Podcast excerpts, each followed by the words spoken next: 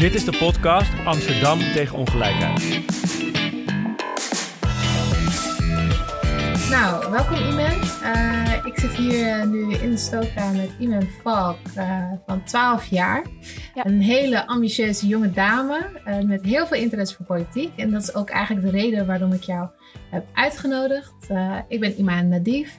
Ik ben gemeenteraadslid en partijbestuurslid voor GroenLinks. En vandaag gaan we het hebben over Amsterdam. Jong zijn in Amsterdam. We gaan het hebben over politiek. We gaan het hebben over Imen en de politiek. Imen, vertel eens wat over jezelf. Nou, mijn naam is dus Imen. Ik ben 12 jaar en ik zit op het vierde gymnasium hier in Amsterdam. En ik zet me in voor gelijke kansen en ben tegen hokjesdenken, discriminatie en racisme. En ik zet me in voor jongerenparticipatie. Uh, hier ben ik mee bezig geweest in de Amsterdamse Kinderraad, de eerste. En ik heb Jongprij 4045 in mijn buurt opgericht. Omdat kinderen de toekomst zijn en daar moeten wij ook gewoon een stem in hebben. En ik, heb in het, uh, ik zit in het 4-5 mei-comité. Dus ik ben eigenlijk allemaal gewoon bezig om me in te zetten voor die uh, belangrijke punten. Zo, dat is echt heel bijzonder. dat is heel wat. Hoe vond je dat om in de eerste kinderraad te zitten? Um, ik vond het eigenlijk heel erg bijzonder om te doen. Het was wel natuurlijk de eerste kinderraad, dus het was ook wel eigenlijk een beetje ontdekken hoe alles nou in elkaar zit. Maar ik vond het heel erg belangrijk en vind het eigenlijk heel erg belangrijk om die stem van kinderen te laten horen. En dat is meer dan alleen maar op een podium staan en zo van, kijk, we hebben een kind in beeld gebracht. Het is ook gewoon echt luisteren naar kinderen. Ja. En dat is heel erg belangrijk. Ja, nou, jongerenparticipatie, participatie van kinderen is heel erg belangrijk uh, voor ons. Um, maar we, we, zitten nu in een hele bijzondere, rare tijd. En hoe is het nu voor jou? Je zit nu in de eerste? Ja, in de eerste. Van, op welke school zit je? Het vierde gymnasium. Ja, en hoe is het voor jou nu? Um, nou, het is sowieso heel anders, denk ik, voor iedereen. Uh, ik heb nu dus online les, uh, online karate ook nog. Dus ik doe ook nog aan karate. En eigenlijk is heel veel allemaal online. Ik vind het wel gewoon altijd wel even leuk om dan bijvoorbeeld met familie even in te bellen of met vrienden. Het is heel anders vooral, maar het is zeker niet minder, minder dan normaal, zeg maar. Voor mij is het gewoon heel erg belangrijk om gewoon positief te blijven en te kijken naar wat er wel kan in plaats van wat er niet kan. Ja, dat is waar. Maar het is wel spannend om je eerste klas, zeg maar, van de middelbare school, om dan zo te beginnen. Had je daar andere verwachtingen bij? Um, nou, ik was sowieso dat ik dacht van in een groep achter van, oh, ik ga naar de middelbare school en het is heel raar en heel anders, nieuwe wereld. Maar toen ik in de klas zat, dacht ik eigenlijk, oh, dit viel eigenlijk best wel mee. Het was natuurlijk wel fijn als je even die paar dagen elkaar wel hebt gezien of een paar weken. Um, het is misschien anders, maar ik heb wel het gevoel dat het gewoon, dat ik wel gewoon een ruimte heb om mezelf te ontwikkelen. Maar ik maak me ook gewoon heel erg veel zorgen om leeftijdsgenoten die het gewoon misschien minder breed hebben daarin. Dus ik hoop dat, ja, daar blijf ik me ook gewoon hard voor maken eigenlijk. En um, wat denk je dat, uh, als je het hebt over deze groep uh, kinderen en deze groep jongeren, um, over wat voor soort problemen heb jij dan? Nou, eigenlijk wat je ziet in de coronatijd is dat je heel veel verschillende soorten kwetsbaarheid hebt. Je hebt kwetsbaarheid als in de mentale kwetsbaarheid, je hebt kansenongelijkheid en uh, dan heb je ook nog als het gaat om veiligheid. En daardoor dat ik gewoon me steeds afvraag van, nou, wat is nou eigenlijk kwetsbaar? Iedereen zegt dan, ja, we zijn allemaal wel kwetsbaar. Maar je kan ook weer niet iedereen naar school sturen of zo nu. Dus ik vraag me echt af, wat is nou kwetsbaarheid? Ja, en um, als, je, als, als we het hebben over dit soort uh, dingen hè, en over uh, wat er nodig is vanuit de, vanuit, voor deze groep, wat, de, wat denk jij dat er anders moet? Nou, ik denk dat het eigenlijk ook best wel lastig is wat er nou echt anders moet. Ik denk dat gewoon steeds, um, nou als het gaat om jongerenparticipatie, sowieso jongeren altijd aan tafel te laten.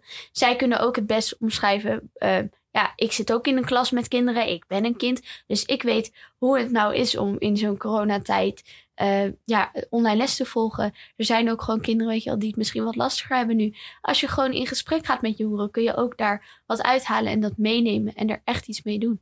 Ja, en um, hoe, het is inderdaad het is een rare tijd hè, waar we nu in zitten. Um, je hebt het over het positieve. Je hebt net opgenoemd wat voor positieve dingen je allemaal doet. Maar ik ben wel benieuwd, wat mis je? In de politiek of gewoon? Oh, ook. Mag ook hoor. wat ik sowieso mis. Um, nou, wat mij mooi lijkt, omdat er is nu een kinderraad voor heel Amsterdam. Ja. Sommige stadsdelen hebben een kinderraad, maar nog niet elk stad heeft een kinderraad. Bijvoorbeeld Nieuw-West heeft geen kinderraad. Dus daar wil ik sowieso aan meewerken om dat op te richten. Ehm, en wat ik verder gewoon nog mis, is eigenlijk echt de participatie van jongeren waar we recht op hebben, dat dat niet altijd gebeurt. Mhm. Dus ik denk dat dat heel erg belangrijk is. En ook heel veel mooie organisaties, uh, bij mij in de buurt bijvoorbeeld de studiezalen, uh, waarin Abdelhamid Idrissi dan mijn life coach is, die me ook gewoon helpt met verder brengen, zeg maar. Dat eigenlijk al die ja, mooie organisaties samenwerken in heel Amsterdam, omdat er dan gewoon zoveel moois georganiseerd kan worden. En dat lijkt me nou zo mooi. Ja, heel bijzonder. Echt heel erg mooi. Ehm, ja, ik vind het echt heel bijzonder om dit gesprek zo met jou uh, te voeren. Want in de politiek, weet je, je hebt vaak gesprekken met andere volwassenen. Of je nou in debat gaat of uh, in de gemeenteraad. Um, hoe, hoe vind jij dat politiek meer in contact moet komen met jongeren? In wat voor vorm zie je dat? We hebben het gehad over de kinderraad en de kinderraad um, per stadsdeel. Maar wat voor andere soort vormen zou jij voor je zien? Um, nou, wat ik vaak sowieso merk is dat veel volwassenen eigenlijk over kinderen praten, maar niet met. Dus dat zij denken, nou, jongeren die maken dit en dit en dit mee. Dus die hebben te maken met online les bijvoorbeeld. Maar weet je nou echt hoe dat is om online les te volgen? Of zit je nu namens iemand te praten of zo? Wat mij gewoon mooi lijkt is als bijvoorbeeld, ja, als jij eigenlijk ook gewoon een keertje uh, op bezoek gaat bij scholen en daar gewoon ideeën gaat ophalen. Dat, dat moet de gemeente eigenlijk gewoon veel meer doen ambtenaren, raadsleden. Eigenlijk moet iedereen dat gewoon doen. We omdat gewoon een dag in de schoenen van jongeren staan. Ja, en ook gewoon om te zien, zeg maar, die samenwerking tussen volwassenen en jongeren is zo mooi. Omdat, ja, wij zijn de toekomst als jongeren, maar de volwassenen die zijn daar nu op die positie, zeg maar. Ja. Dus als dat samenwerkt, dan is dat gewoon ook zo mooi eigenlijk. Dus samenwerken is gewoon heel erg belangrijk. En hoe vind je, uh, je bent heel erg actief, hè? Um, vind jij dat er een hele hoge drempel is om de politiek te uh, benaderen? Ik denk dat veel mensen denken dat die drempel er is en dat die heel hoog ligt, maar ik denk dat dat eigenlijk best wel meevalt. Ik bedoel, je kan zo iemand vragen. Uh, ik denk dat iedereen ook wel gewoon heel makkelijk jou kan vinden. Van mag ik even een vraag stellen? Of mag ik heel even mijn ideeën vertellen die ik heb? Ik denk dat veel kinderen zich er misschien ook niet van bewust zijn dat ze dat kunnen doen. En dat ze daarmee ook gewoon echt het verschil kunnen maken. En dat ze eigenlijk daar ook gewoon recht op hebben. Dus ik denk dat veel mensen denken van, oh, dat is heel lastig. Of, oh, hoe moet ik dat nou doen? Um, dus ik denk dat het ook wel gewoon goed is om daarin te informeren hoe je dat nou het beste kan doen.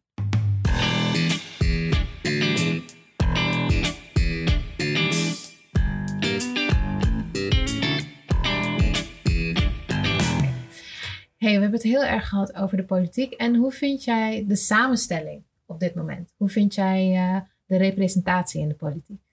Nou, ik denk in de politiek dat het heel erg belangrijk is uh, voor meisjes en vrouwen om gewoon rolmodellen te hebben. Dus om te bedenken van, hey, nou kijk, deze politica is nu aan de top. Dat kon ik ook zijn. En dat het gewoon heel erg belangrijk is dat er sowieso meer vrouwen in de politiek komen. Omdat het gewoon om te laten zien aan kinderen, jongeren, meisjes, te laten zien van hey, kijk, jij kan dat ook doen. Jij kan ook het verschil maken door in de politiek te gaan. Niet dat nu elk meisje de politiek in moet natuurlijk, maar het is wel gewoon belangrijk om die rolmodellen eigenlijk te hebben. Ja, en denk je dat we daar um, eerder in moeten stimuleren? Want je ziet ook dat bijvoorbeeld meisjes uh, minder snel kiezen voor exacte vakken, zoals wiskunde, natuurkunde, scheikunde, en dat dat later effect heeft op de arbeidsmarkt. Of wat uh, kinderen later gaan studeren. Bijvoorbeeld dat ze eerder voor een technische vak kiezen. Um, denk je dat wij daar ook als politiek wat scherper op moeten zijn? Nou, ik denk sowieso dat het belangrijk is om in de politiek er gewoon voor te zorgen dat uh, vrouwen en meisjes, dat die ook gewoon heel erg in beeld komen. En dat het gewoon belangrijk is om die rolmodellen te hebben, zodat je weet zeg maar ook om te laten zien van... hé, hey, kijk, dezegene, deze mevrouw heeft dit en dit gedaan. Zodat je dan kan zien van... hé, hey, kijk, diegene doet bijvoorbeeld die vakken als het dan gaat om schoolvakken. Van, dat kan jij ook doen. Je kan eigenlijk gewoon alles doen wat je zelf wil. Eigenlijk een beetje op die manier. Ja, dat is waar. Ik moet zeggen, toen ik uh, jong was... ik weet nog dat we op de basisschool werd daar heel moeilijk over gedaan. Zo hadden we handvaardigheid. En dan moesten we gaan knutselen. En dan moest ik gaan borduren. De meisjes moesten borduren en de jongens mochten knopen. En ik weet nog hoe vreselijk ik dat vond. En we hadden altijd een soort van een scheiding van, nou, de meisjes mochten dit en de jongens mochten dat. Um, is dat iets, herken je dat? Is dat, uh, en heb je ook zoiets van, nou, eigenlijk zou je gewoon zelf moeten kiezen wat je leuk vindt om te doen? Um, nou, het gaat eigenlijk een beetje ook over vooroordelen die mensen hebben van... hé, hey, meisjes vinden het leuk om te ja. borduren en zo. Nou, ik heb wel eens te maken met vooroordelen, maar dan eigenlijk meer op een ander gebied. Dat mensen mij gewoon meteen in een hokje stoppen. Dat ze dan gaan vragen, nou, hé, nou, Iman, hé, Iman Valk. Had ik een keer bij de orthodontist. Dat die mevrouw zei van, nou, ik dacht dat ik een volbloedje zou krijgen. Zo. Dus uh, ik heb wel gewoon te maken met mensen die dan meteen mij in een hokje willen plaatsen. Um, en daardoor misschien bepaalde gedachten bij mij hebben. En daarom vind ik het zo belangrijk om me in te zetten tegen hokjes denken. Want ja, wat heb je daaraan als je weet waar ik vandaan kom of eigenlijk waar mijn grootouders vandaan komen. Ja, ik want bedoel, wat zegt dat over jou? Want je bent je eigen persoon. En we hebben gewoon allemaal gerecht op een uh, gelijke positie. Dus wat maakt het uit? Ja, precies. En hoe reageerden mensen toen jij, uh, toen jij zo politiek actief werd?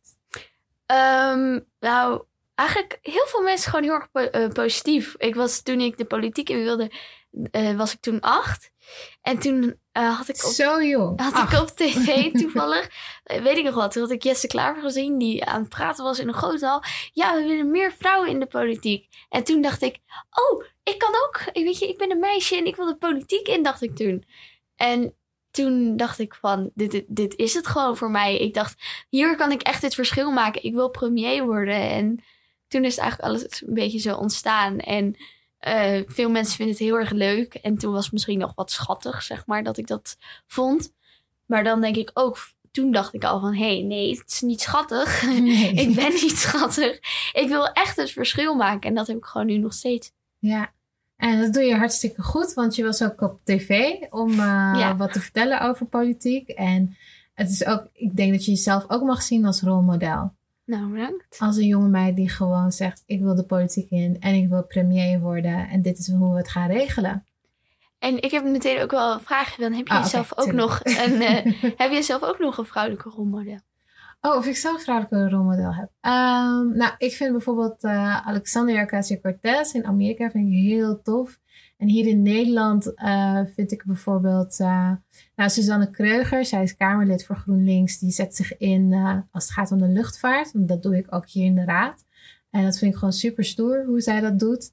maar ik vind bijvoorbeeld in de Raad, en ik vind het heel jammer dat ze weg is, wat ik heel erg begrijp, vond ik Sylvana Simons vond ik ook echt heel bijzonder om haar in actie te zien in de Raad. Dus ik, ik zat altijd heel erg zo bijna verliefd te kijken van, oh, wat mooi en wat goed.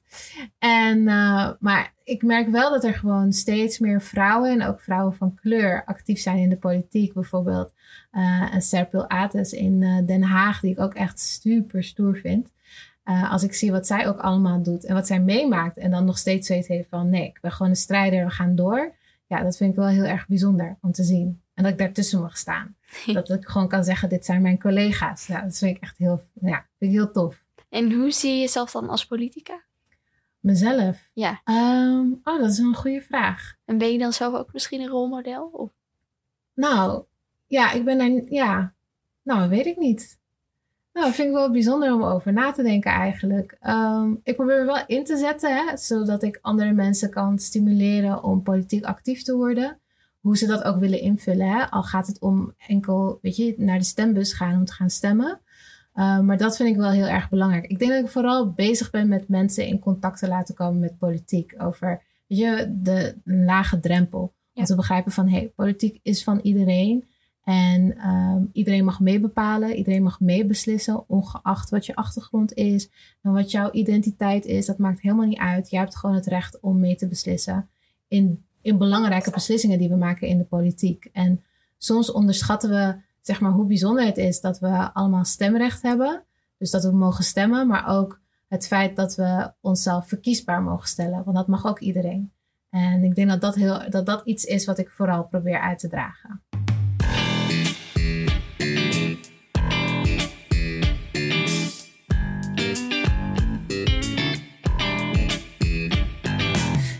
Hey, en um, acht jaar was je toen je dacht, uh, ik ga de politiek in. Dat is best wel jong. Ja. Wat waren je eerste plannen toen je zei, oké, okay, ik ben acht, ik ga de politiek in.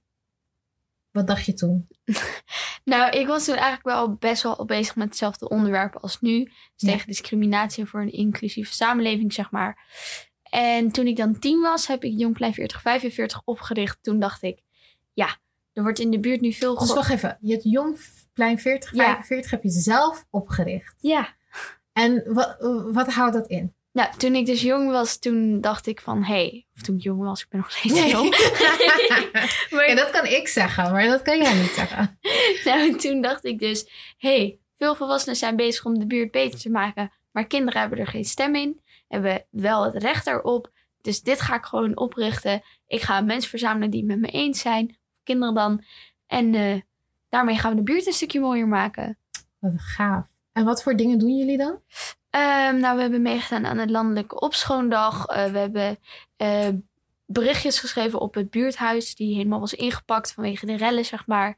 En we hebben vier, op 4, 5 mei hebben we een rol gespeeld. Op 5 mei eigenlijk eh, met de burgemeester hebben we daar ontmoet. We zijn heel erg actief bezig. En we zijn inmiddels met z'n zevenen. Wat mooi.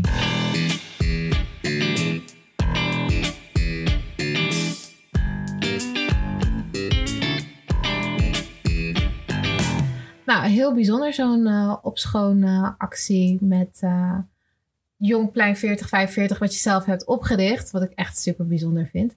Ehm, waarom vond je dat belangrijk om te doen? Ehm, nou, we merkten eigenlijk dat de buurt eigenlijk best wel, zeg maar, dat is wel een opschoondag nodig had, zeg maar. Omdat we hebben eh, verschillende dingen waardoor wel eens gewoon eigenlijk de buurt best wel vies wordt. Waaronder bijvoorbeeld de markt. Ehm, en daardoor merkten we dat er wel eens plastic zakjes en zo rondzwierven. Toen hebben we bedacht van, hé, hey, het is dan landelijk opschoondag. Dan gaan we gewoon eigenlijk een groepje mensen verzamelen die met ons eh, gaat opschonen. En toen waren we echt met meer dan twintig man.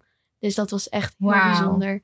Waarin we ook gewoon op een gegeven moment gewoon dat besef weer hadden van... hé, hey, weet je wel, een eh, sigaret op de grond is eigenlijk ook gewoon heel slecht. En kijk hoeveel er liggen. Misschien niet alleen in Nieuw-West. Eigenlijk gewoon in heel Nederland, in heel de wereld... is er eigenlijk last van zoveel plastic. En dat vonden wij ook gewoon heel erg belangrijk. Ja, ja. Want dat is ook een heel groot probleem. Hè? Je hebt het gehad over kansengelijkheid. En eh, een van de dingen waar ik me mee bezighoud is natuurlijk eh, klimaatrechtvaardigheid. En dan zien we inderdaad dat dat plastic vrees is hartstikke slecht voor het milieu eh, en voor de natuur. Ook voor de dieren natuurlijk in de stad. Want ik heb hier nog, ik heb twee jaar de portefeuille dieren gehad. En toen mocht ik mee met de dierenambulance. Eh, en toen zag ik dus wat dat allemaal doet eigenlijk in het milieu. En dat is eigenlijk best wel zielig als je erbij stilstaat. Um, dat er dieren, bijvoorbeeld vogels, erin stikken. En ik denk dat het belangrijk is dat we veel meer stilstaan op met wat we allemaal kopen. En hoeveel spullen wij allemaal hebben. En hoeveel we eigenlijk weggooien. En als we het weggooien, dat we dat bewust doen. Um, als het gaat over klimaatrechtvaardigheid, dan gaat het ook natuurlijk over nou ja, dat de gevolgen van klimaatverandering eigenlijk uh, juist de groepen die het minste hebben, het zwaarst geraakt worden. En wat vind jij daarvan? Dus eigenlijk van, ja, sowieso als ik denk aan klimaat, ik denk dat het daarin gewoon heel erg belangrijk is om mensen ervan bewust te maken. En dan zeg maar, het klinkt een beetje gek dit, maar dat het niet alleen is van, oké, kijk, een reclame op tv, weet je wel, waarin je wel misschien heel mooi die beelden ziet, maar neem mensen gewoon echt een keer mee in wat, wat er eigenlijk allemaal gebeurt met die dieren. Dus een keertje meelopen of zo ergens, dat lijkt me gewoon heel mooi. Omdat die bewustwording gewoon het eigenlijk het allerbelangrijkste is. Ook als je het hebt over kansengelijkheid, over klimaat, bewustwording is eigenlijk gewoon het begin. En zouden we rondom klimaat wat meer moeten doen in het onderwijs? In het onderwijs, um, ja, bijvoorbeeld op mijn basisschool had ik er wel een les over gehad. Um, waarin we dus dan ook eigenlijk al het plastic gingen verzamelen thuis. En van een paar dagen. En dat iedereen echt gewoon met vuilniszakken vol, misschien wel twee, drie, gewoon naar school kwam van, nou, dit is alle plastic dat ik gebruik. Dan denk je ook van, oké, dit is wat we echt gewoon als in klas hebben. Dan schrik je toch wel. Dus ik denk dat het wel belangrijk is, uh, is om dat aan scholen mee te geven. En dan vooral ook gewoon misschien al op jonge leeftijd gewoon ermee beginnen. Dat het ook gewoon echt in je hoofd zit en blijft van oké, okay, ik koop nu dit en dit en dit. Maar weet je, het, het, zit wel vier keer verpakt in plastic. Ja, precies. En ook, um, het gaat niet alleen over plastic, hè? het gaat ook over luchtvervuiling. Ja. Uh, dat is ook een uh, heel groot probleem. En, ehm, en al die auto's in de stad natuurlijk. Uh, daar komt ook best wel veel lichtvervuiling vrij. Wat vind je daarvan? Um, nou, ik denk dat het eigenlijk gewoon. Weet je, nu in een coronatijd merk je ook, je moet thuiswerken, toch zijn er files. Dan denk je ook van, huh, wat? maar ik denk dat het belangrijk is om um, ook daar gewoon mensen bewust te maken van, als je met de auto gaat, weet je dan hoeveel er eigenlijk wel niet gebeurt dan met de wereld eigenlijk. En daarom is het ook gewoon belangrijk. Het gaat over onze toekomst als jongeren. Dus weet je, als, als jij denkt van nou, ik ga maar gewoon met de auto, want het boeit me niks. Doe het dan voor mij, als het ware. Doe het dan voor uh, misschien je zoon of dochter. Doe het voor uh, een, uh, weet ik het, kind van een collega. Doe het voor ons. En als er eigenlijk, als we nu niks doen, dan ja, klinkt misschien heel gek, maar dan gaan we uiteindelijk gewoon allemaal dood. Ja, dat is waar. Nee, klimaatverandering is echt een heel groot probleem en we moeten echt uh, zo snel mogelijk ingrijpen. Wat voor rol denk je, uh, behalve dat het de toekomst is, hè, natuurlijk van de kinderen en de jongeren van nu, um, wat voor rol zouden jongeren hierin moeten spelen als het gaat om klimaatverandering? Ik denk dat het belangrijk is dat jongeren ervan bewust worden. Dat volwassenen ook gewoon. Dus het is niet van wij, eh, het gaat over onze toekomst. Dus wij gaan lekker aan de slag. En die volwassenen die mogen lekker op de bank zitten of zo. maar ik denk dat het bij jongeren gewoon belangrijk is dat je er bijvoorbeeld een les op school over krijgt. Dan denkt dan, kijk even hoe, hoeveel ik eigenlijk toch wel eigenlijk met klimaatverandering te maken heb. En daarin gewoon te beseffen van hé. Hey, uh, kijk wat ik hier eigenlijk toch allemaal mee doe. Ik dacht van, hé, hey, nou, ik ga één keer uh, per week met de auto naar school en uh, ik eet iets minder vlees of zo. Maar toch is het gewoon belangrijk om alsnog ervan bewust te zijn wat er wel niet allemaal gebeurt. Dus bij jongeren is het vooral bewustwording. Bij volwassenen is het ook gewoon vooral actie. Ik denk dat bewustwording is eerste stap. Tweede stap is gewoon doen.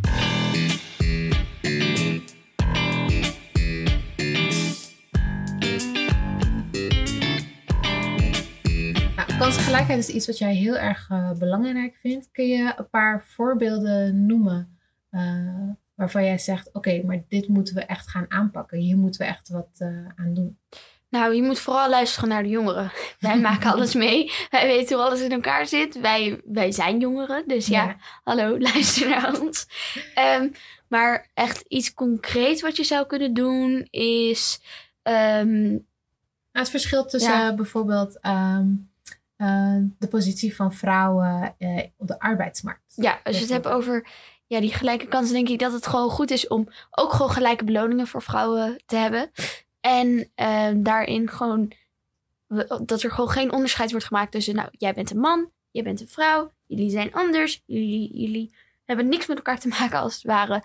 We zijn tenslotte gewoon allemaal mensen en we hebben gewoon het recht op een gelijke positie. Daar we, dat staat ook gewoon in de grondwet. Maar waarom krijgen we dan niet dezelfde beloning? En ik denk dat dat misschien ook wel gewoon vrouwen en meisjes stimuleert om toch de baan te, hun droombaan uh, te doen en hun dromen te volgen. Omdat je dan gewoon meer motivatie krijgt. Ja, dat is ook zo. En het is ook gewoon eerlijk. Ja, je hebt ook precies. recht natuurlijk op. Uh, het is helemaal niet rechtvaardig dat er een verschil is in beloning. Precies. En het is heel raar dat we nu nog steeds tot de dag van vandaag hiervoor uh, moeten strijden eigenlijk. Ja. Ja, dat is wel echt heel vreemd. En zijn er andere dingen, bijvoorbeeld voor jongeren? Uh, je hebt het heel erg over jongeren moeten uh, mee kunnen praten. Wij moeten als volwassenen en politiek uh, mee kunnen luisteren. Maar je mag pas stemmen wanneer je 18 bent. Wat vind je daarvan?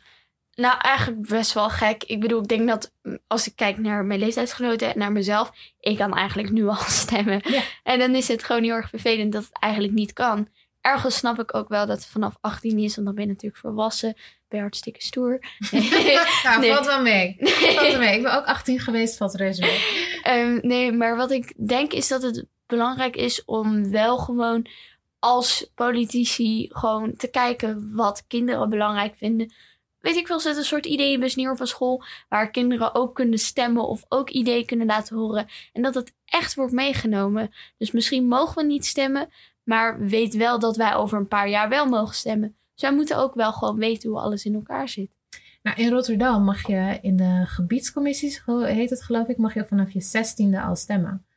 Is dat misschien iets waarvan je zegt, nou eigenlijk zouden we vanaf 16 jaar uh, moeten kunnen stemmen? Ik denk dat dat eigenlijk ook wel gewoon een goede leeftijd is, omdat je dan zit je er een soort van tussenin. Je bent net geen puber meer, of je bent wel een soort puber, maar je bent ook weer niet al volwassen. Dus ik denk dat dat ook wel gewoon een hele mooie leeftijd is om dat te doen. Dus heel Nederland, stem vanaf 16.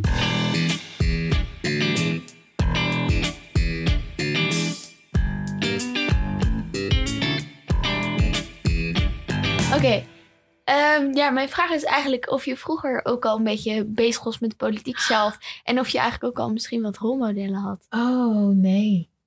ik was totaal niet bezig. Daar vind ik het heel bijzonder om met jou in gesprek te gaan. Ik zal je heel eerlijk zeggen, ik was, uh, toen ik zo jong was, ik was uh, heel erg bezig met de series die ik aan het kijken was, de boeken die ik aan het lezen was. Ik was echt een boekenworm.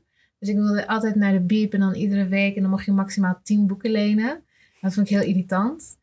Um, en ik weet nog dat mijn ouders dat vervelend vonden. En dan hadden ze zoiets van, ja, je leest zoveel. Kom gewoon lekker in de woonkamer zitten. En ik was gewoon echt aan het puberen. En uh, wilde gewoon lekker uh, mijn griezelboeken uh, lezen. Was ook de tijd dat Harry Potter net uitkwam. Dus ik was ook helemaal gek van Harry Potter toen. En um, ik moet zeggen dat dat ik wel altijd op de hoogte was van politiek. Hè? Ik was wel, van mijn ouders kreeg ik altijd mee, ik moest het jeugdjournaal kijken. Dat moest echt, vond je het wel leuk? Of? Ja, vond ik heel leuk. maar dat was wel echt, daar waren mijn ouders heel streng in. Van nee, je gaat gewoon het jeugdjournaal kijken. En uh, later keek ik ook het journaal mee, maar dat gebeurde ook best wel vroeg. En op een gegeven moment doe ik nu nog steeds dat ik het ochtendjournaal altijd uh, kijk. Of dat ik die altijd aanzet. Dat is eigenlijk altijd een gewoonte die me is bijgebleven. En nu, ik in de politiek zit, is het natuurlijk, pak ik ook de kranten erbij en kijk ik wat er op Twitter en zo, wat journalisten allemaal zeggen, dat ik op de hoogte ben van het nieuws. Maar, en ik was ook lid van politieke partijen, um, want dat vond ik altijd ook heel belangrijk. En stemmen deed ik altijd. En mijn ouders stemden vroeger altijd PvdA, dus dat uh, stemde ik ook vroeger. vroeger. nu niet meer. Zo lang uh, geleden. Dat is heel lang geleden. Ik ben nu al 34, dus ik mag al 16 jaar stemmen. Dus dat is ook, op, nou, dat is ook wel bijzonder, 16 jaar.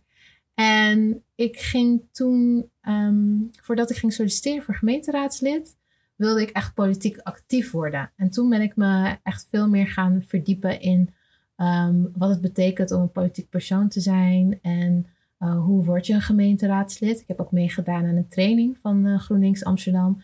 En toen uh, ben ik gewoon er helemaal voor gegaan en heb gesolliciteerd. En zo ben ik raadslid geworden. Dus dat is pas veel later. En voor die tijd heb ik echt heel ander werk gedaan. Ik heb in het ziekenhuis gewerkt als laborant. En um, even kijken, wat heb ik nog meer gedaan? Ik heb ook een beetje ICT gedaan. Um, ik, nou, van alles eigenlijk. is heel veel kennis. Dus ja, En dat is wel iets wat ik altijd heel erg belangrijk vind om mensen mee te geven die politiek actief worden, is ga vooral levenservaring opdoen. Want op basis daarvan, weet je, kennis, die kun je sowieso, weet je, dingen kun je gewoon leren. Maar ervaring kun je niet leren, dat moet je meemaken. Dus ik probeer altijd mee te geven van ga vooral lekker ontdekken. Ga veel dingen doen. Uh, en niet alleen leren over politiek, maar ook begrijpen van oké, maar wat voor effect hebben deze beslissingen en deze dingen eigenlijk op de levens van anderen? En dat kun je eigenlijk het beste doen door de dingen zelf mee te maken. Dus dat vind ik, uh, vind ik wel heel erg belangrijk. Dus het advies eigenlijk van Imani is gewoon: ga overal eigenlijk gewoon van alles smaak een beetje proeven. Ja, ga van alles doen. Ga, ga, ga dat vooral doen. Ga naar dingen heen. Uh, nou, nu niet natuurlijk, maar ga naar dingen heen. Uh, Schrijf aan bij tafels waar je normaal niet zou aanschuiven. Ook interesses hè, uh, die je normaal niet hebt. Um, ik had bijvoorbeeld, toen ik begon in de politiek, kreeg ik de portefeuille luchtvaart. En dat hoorde bij, want ik doe ook economische zaken. En dat zat gewoon bij het pakketje. En ik dacht, oké, ik, ik, weet, ik weet niet zoveel over luchtvaart. Dus wat ben ik maar gaan doen? Toen zei ik, nou, dan ga ik maar alles leren hierover. En dan gewoon aanschrijven bij uh, avonden, uh, met mensen praten, heel veel erover lezen en me gewoon er helemaal in verdiepen. En daardoor heb ik wel dingen kunnen doen op dit dossier. En ik denk dat dat gewoon heel erg belangrijk is. Dat je gewoon ja, een beetje brutaal bent en gewoon zegt: Weet je wat? Ik ga het gewoon, we gaan het zien, we gaan het gewoon doen, we gaan het gewoon proberen. En ik ga zoveel mogelijk luisteren, want dat is heel erg belangrijk. Ik ga zoveel mogelijk luisteren en die boodschap meenemen. En die ga ik meenemen op het moment dat ik in mijn politieke arena het woord voer. Ja, en ik denk dat dat, zeg maar, verdiepen in een onderwerp, dat dat ook gewoon heel erg belangrijk is. Nog steeds, ook als het gaat om jongeren en kansenongelijkheid, om dat ook gewoon nog steeds te blijven doen. Zeker. Dus dat is dan weer een advies van mij. Ja. Hey, en we hebben een heel mooi. Dus ik heb eigenlijk al verteld uh, wat ik wil meegeven, maar ik ben wel benieuwd. Wat wil jij onze luisteraars meegeven? Um, nou, als het gaat om volwassenen, zeg maar, blijf gewoon zeg maar altijd vragen naar, mening, uh, naar, de mening van jongeren. Let eigenlijk een beetje op ons, maar luister ook naar ons. Weet wat wij vinden, wat wij te zeggen hebben. Het gaat tenslotte over onze toekomst.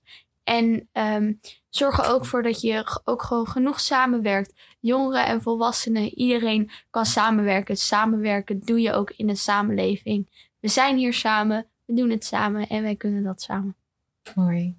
Hey Iman, ik vond het heel gaaf dat je hier was. Ik vond het echt bedankt. heel erg leuk. Ja, enorm bedankt dat je erbij was. Enorm bedankt dat je deze podcast met mij wilde doen. En ik ben echt super benieuwd. En mocht je ooit iemand in je campagneteam nodig hebben, wanneer jij premier wordt, moet je me gewoon bellen.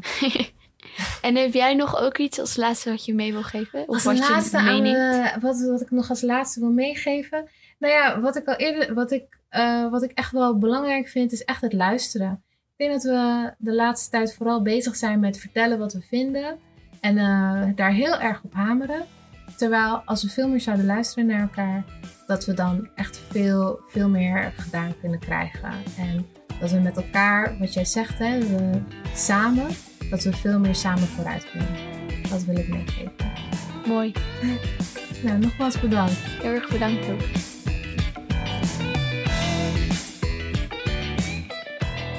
Je luisterde naar Amsterdam tegen ongelijkheid. Deze podcast werd gemaakt door Lonneke van Genuchten, Nick van Bree en Ibrahim Eldewi. En Floris Bosma maakte de muziek. Heb je vragen of opmerkingen? Ga dan naar amsterdam.groenlinks.nl/slash podcast. Vond je het een leuke podcast? Laat dan een recensie achter. Daar zijn we erg blij mee. Bedankt voor het luisteren en tot een volgende keer.